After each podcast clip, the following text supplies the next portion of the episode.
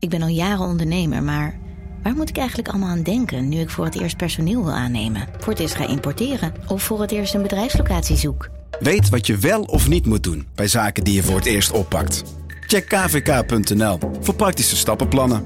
KVK, hou vast voor ondernemers. Al 125 jaar kwaliteit voor jou thuis met Miele. Dat vieren we met jou. Ontvang nu tijdelijk een cashback tot 125 euro op veel Miele-apparatuur. Geniet van de kwaliteit van Miele. Voor perfect verzorgd wasgoed en kleding die veel langer mooi blijft.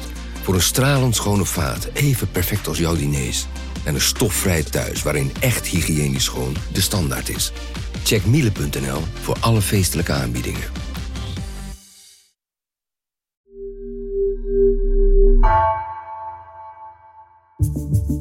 Vanaf de redactie van NRC het verhaal van vandaag.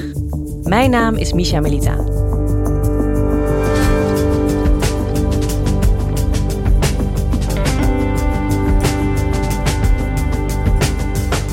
In Mexico verdwijnen jaarlijks tienduizenden mensen, vooral slachtoffers van de langlopende drugsoorlog. Deze zaken worden zelden opgelost en nabestaanden blijven met lege handen en veel vragen achter. Buitenlandredacteur Marijn de Waal reisde naar Mexico en zag hoe in een nieuw lab geprobeerd wordt deze mensen te identificeren. Maar wordt daarmee wel het achterliggende probleem aangepakt?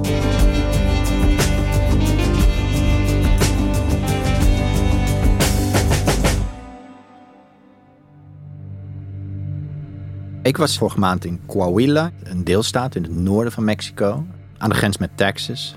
Ik was daar in het zogenaamde Centrum voor Menselijke Identificatie, wat daar uh, recent geopend is. En ja, zoals de naam al zegt, het is eigenlijk een groot forensisch instituut. Um, en dat probeert uh, mensen te identificeren die uh, in de drugsoorlog verdwenen zijn geraakt.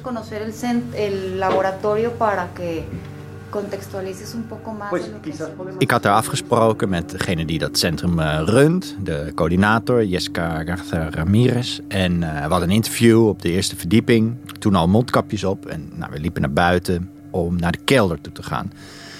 En toen kwam haar assistent eraan en die, die, die zat wat te rommelen met mondkapjes. En zei die, doe nog maar een mondkapje op, want het, uh, het ruikt nogal. Si quieres ponerte doble porque el olor abajo está dat blijkt ook. Je komt die kelder binnen en dan hoor je enorme ventilatoren loeien. Die proberen nog iets van verse lucht naar binnen te pompen. Maar die, die lijklucht is zo penetrant dat, ja, dat, dat gaat ook door twee mondkapjes uh, gemakkelijk heen. Maar goed, er werken tientallen mensen daar elke dag in die kelder. En die, die zijn met die lichamen bezig. Van mensen die soms al meer dan tien jaar geleden ooit uh, begraven zijn. Of gedumpt zijn in de woestijn. En in het instituut proberen ze die mensen alsnog, zoals de naam van het centrum al zegt, te identificeren.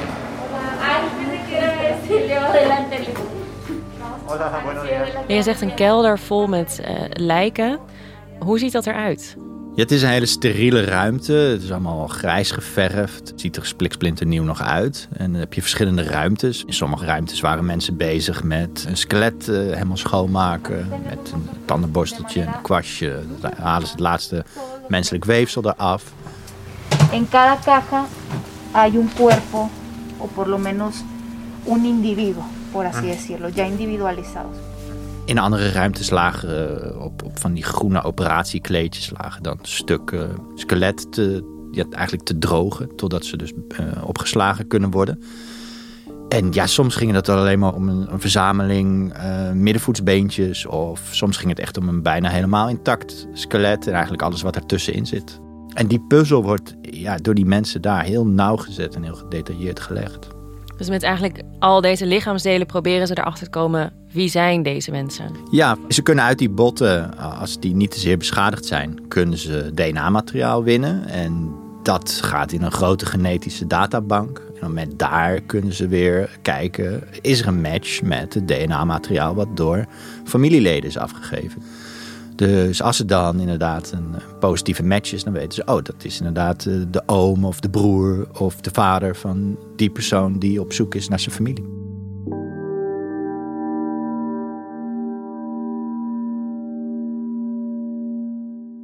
En waarom was je daar? Waarom ben je naar die opening gegaan van dit instituut?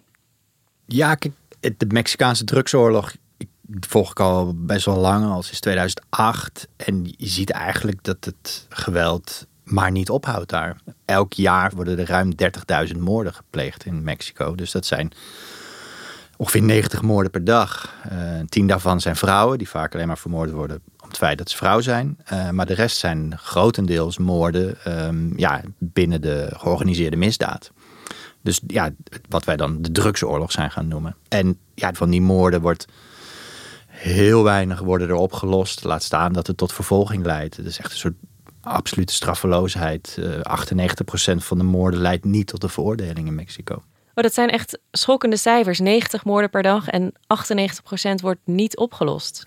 Ja, dat is enorm. En daarom wilde ik ook graag naar dit lab. Want het is eigenlijk de eerste in zijn soort in Mexico. Eh, de eerste deelstaat die er echt op een ja, gestructureerde wijze probeert uh, hier toch nog iets aan te doen. Om in ieder geval de mensen die dan verdwenen zijn gemaakt ja, misschien toch nog te identificeren. Om te achterhalen wat er met ze gebeurd is. Maar het is, het is een enorme puzzel die door het hele land nog gelegd moet worden. Uh, van, van tienduizenden mensen die verdwenen zijn.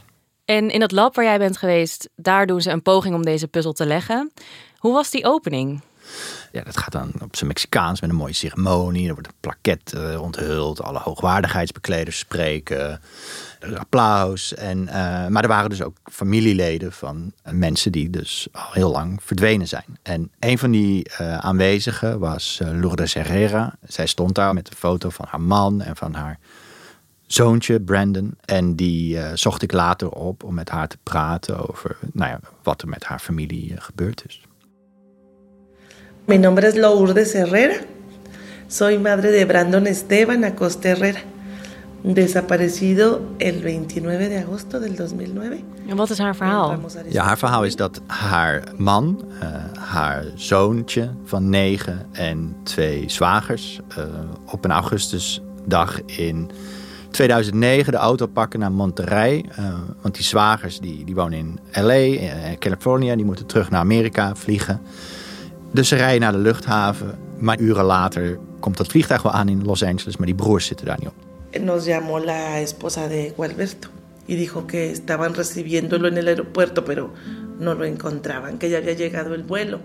Dus dan slaat de familie alarm.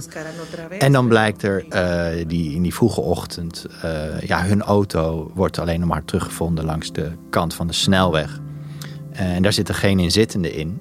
Er wordt uiteindelijk nog wel een wit busje teruggevonden. En daarin zitten de, de witte sneakers, gimpies van een van haar zwagers. En ook één schoen van haar man uh, worden daar nog in teruggevonden. Yo cuando entré, lo primero que vi en el escritorio del Ministerio Público fue lo, el par de tenis de mi cuñado Gerardo y un tenis de mi esposo. Maar uh, van de inzittenden was geen spoor.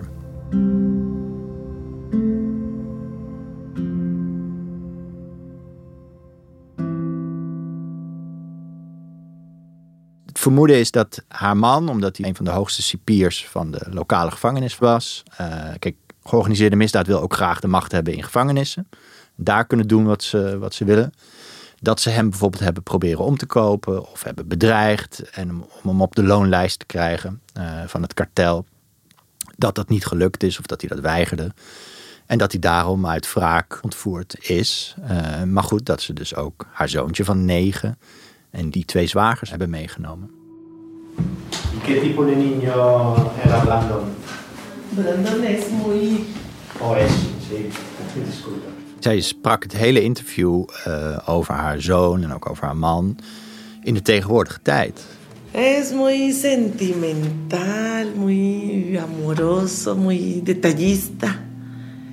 También es muy desesperado. En uh, ze zei ook van ja, mijn zoon is nu 21. En zo praat ze ook over hem. Hè. Zij, zij is zelf kleuterjuf, vertelde ze. Dus zij moet ook elke uh, moederdag, moet ze dan die kinderen in haar klas uh, helpen om een kunstwerkje te maken, om een kaartje te schrijven. En dan, en dan legt ze ook uit, ja, ik ben ook moeder. Ik ben de moeder van Brandon. Dus zij heeft ook nog wel de hoop, ze houdt zich eigenlijk vast aan de gedachte dat misschien haar zoon wel gespaard is gebleven tijdens die ontvoering, omdat hij nog een kind was ook, zei ze. En haar man had een uh, hoge functie. Hij was de topcipier bij een gevangenis. Waarom blijft zelf zo'n moord van een toch vooraanstaand iemand nog onopgelost? Ja, zij is eigenlijk degene geweest die dit ook bij de autoriteiten onder de aandacht heeft moeten houden. Zij moest bijvoorbeeld zelf inktpatronen kopen voor de printer zodat het dossier uitgeprint kon worden. En zij maken ook vaak zoektochten in de woestijn hè, naar van die massagraven. Dan moesten ze zelf daarvoor naar justitie gaan. Die had dan weer geen personeel of er was geen benzine om daarheen te rijden. Dat moesten ze allemaal zelf regelen. Dus er is een grote desinteresse bij de autoriteit om dit soort zaken op te lossen. Ook wel enigszins bij de samenleving. Hè. Er wordt toch vaak vanuit de samenleving gezegd: nou ja, als je verdwijnt of vermoord wordt dan zou je wel je op het slechte pad hebben begeven. Dan zou je het wel een beetje verdiend hebben eigenlijk. Hè? Dus de, de schuld wordt eigenlijk bij het slachtoffer gelegd. Daarnaast, bij heel veel van die verdwijningen, of die vaak uiteindelijk moorden zijn, zijn de autoriteiten zelf betrokken. Dus mensen zijn ook best wel bang om aangifte te doen van een vermissing of een verdwijning. Want ze weten in de helft van de gevallen in Mexico zijn daar autoriteiten zelf bij betrokken. Politieagenten, militairen, uh, gevangenispersoneel. Dus dat maakt ook dat die straffeloosheid enorm is.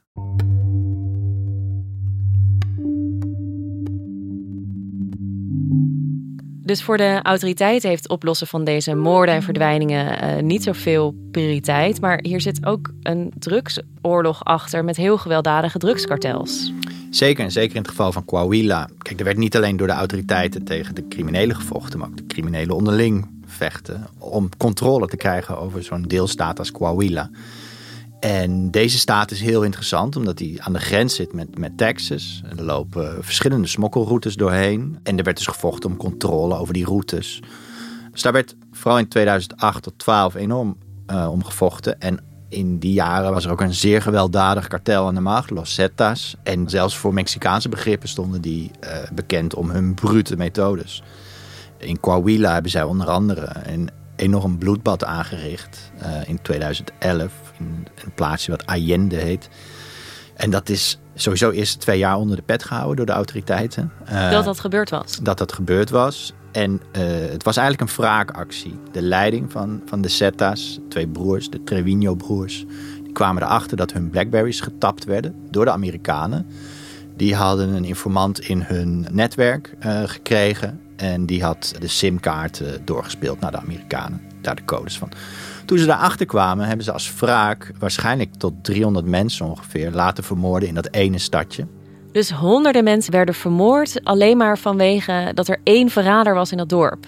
Ja, dat is een soort strafcampagne geweest eh, om dat hele stadje daarvoor verantwoordelijk te houden. En officieel zijn er dus 28 doden gevallen, uh, maar waarschijnlijk een tienvoud daarvan. De meeste schattingen gaan nu uit van 300 mensen, maar ook dat weten we niet. Maar hoe kan dat? Waarom weten we dat niet? Want die mensen zijn er toch gewoon niet meer?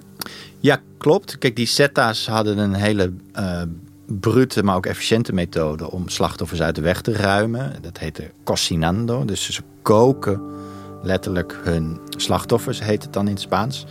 Wat ze deden was, ze hakten de slachtoffers in stukken en die verbrandden ze in olievaten waar ze diesel of benzine in gooiden en die ze op hele hoge temperatuur opstookten om die lichamen eigenlijk illegaal te cremeren. Ja, waardoor er vaak helemaal niks van ze overbleef.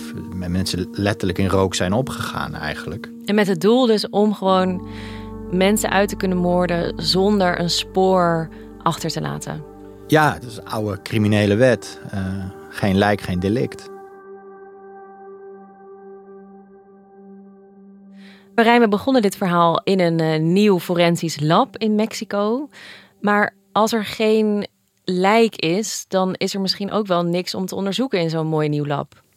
Nee, dat is inderdaad de uitdaging waar die mensen voor staan. Uh, kijk, aan de andere kant, soms kan je zelfs uit hele kleine botsplinters toch nog materiaal halen waarmee je veel moderne technieken toch nog iets van DNA kan terugvinden. Soms zijn mensen ook nog te herkennen aan hun tanden, die, die niet zo snel verbranden.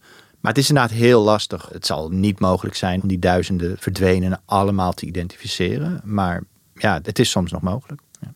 ja, dus dat lab lijkt een mooie stap. In ieder geval een beetje hoop. Maar er zit natuurlijk ook een groter probleem achter van moorden die gewoon niet opgelost worden. Omdat er te veel zijn en omdat de autoriteiten niet altijd zin hebben om te onderzoeken.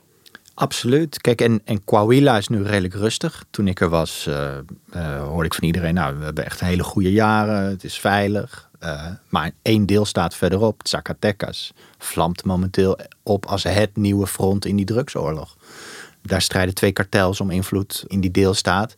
En daar intimideren ze elkaar nu door dagelijks bij bosjes rivalen van het andere kartel, zeg maar, aan bruggen en viaducten op te hangen, half naakt. Ehm, dus ja, Coahuila kan deze puzzel nu gaan leggen omdat het er nu veilig is. En omdat de politiek de wilder is van de gouverneur en dat centrum en de, de internationale hulp. Maar er blijven 31 andere deelstaten over waar die puzzel nog niet wordt gelegd. En hoe is dat voor de nabestaanden? Ja, kijk, het is voor die mensen heel pijnlijk, omdat het is een misdrijf wat gewoon tot op de dag van vandaag voortduurt, zo'n verdwijning. Het is een, in die zin een ontvoering die gewoon al twaalf jaar duurt, bijvoorbeeld voor iemand als Lourdes. En dat gaat gewoon door. En dat vertelde ze ook. Hè. Haar jaren die zijn gewoon gemarkeerd door de mijlpalen in zo'n jaar. Hè. O en su cumpleaños, o, o la fecha de desaparición, el 29 de agosto. Todas las fechas duelen, pero, pero la Navidad es más fuertísima.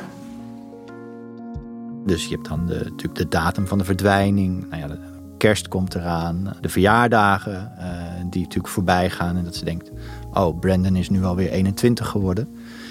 En dat gaat elk jaar zo, uh, repeteert zich dat. Totdat eventueel ooit er een soort uitsluitsel komt. Van ja, je zoon is inderdaad aangetroffen. Of je man is inderdaad aangetroffen.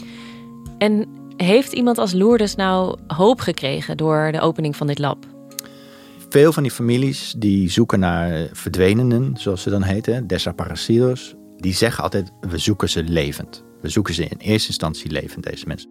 Y pues es eso, ¿verdad? Como madre principalmente que me mantiene aquí organizada con mis compañeros y compañeras, este, esperando encontrar a mi hijo.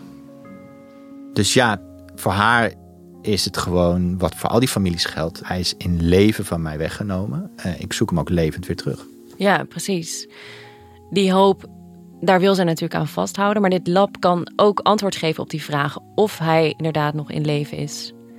Ja, dat is waar ze op aandringen. En, maar het is, benadrukken ze ook, het gaat voor hun niet per se om wat je dan in het Engels closure zou noemen. Hè? Dus dat een wond gesloten of gehecht kan worden, niet langer open ligt. Nee, het is, voor hun zou dat het vertrekpunt zijn. Stel, er komt een positieve identificatie. Dan eh, willen ze daarna gerechtigheid gaan zoeken. Van wie waren hiervan verantwoordelijk? Welke daders? Welke mensen bij de autoriteiten dekten dit toe? Dus voor hun is dat geen eindpunt, maar een vertrekpunt om, om die gerechtigheid te krijgen. Om iets te doen aan die straffeloosheid.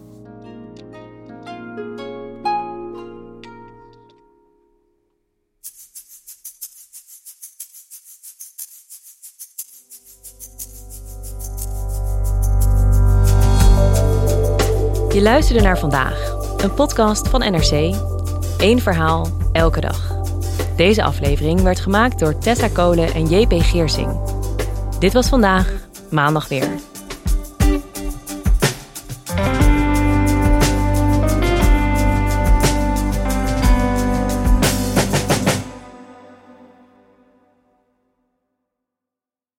Technologie lijkt tegenwoordig het antwoord op iedere uitdaging. Bij PwC zien we dit anders. Als we de potentie van technologie willen benutten, kunnen we niet zonder een menselijk perspectief. Human-led, tech-powered noemen we dat. Ga naar pwc.nl.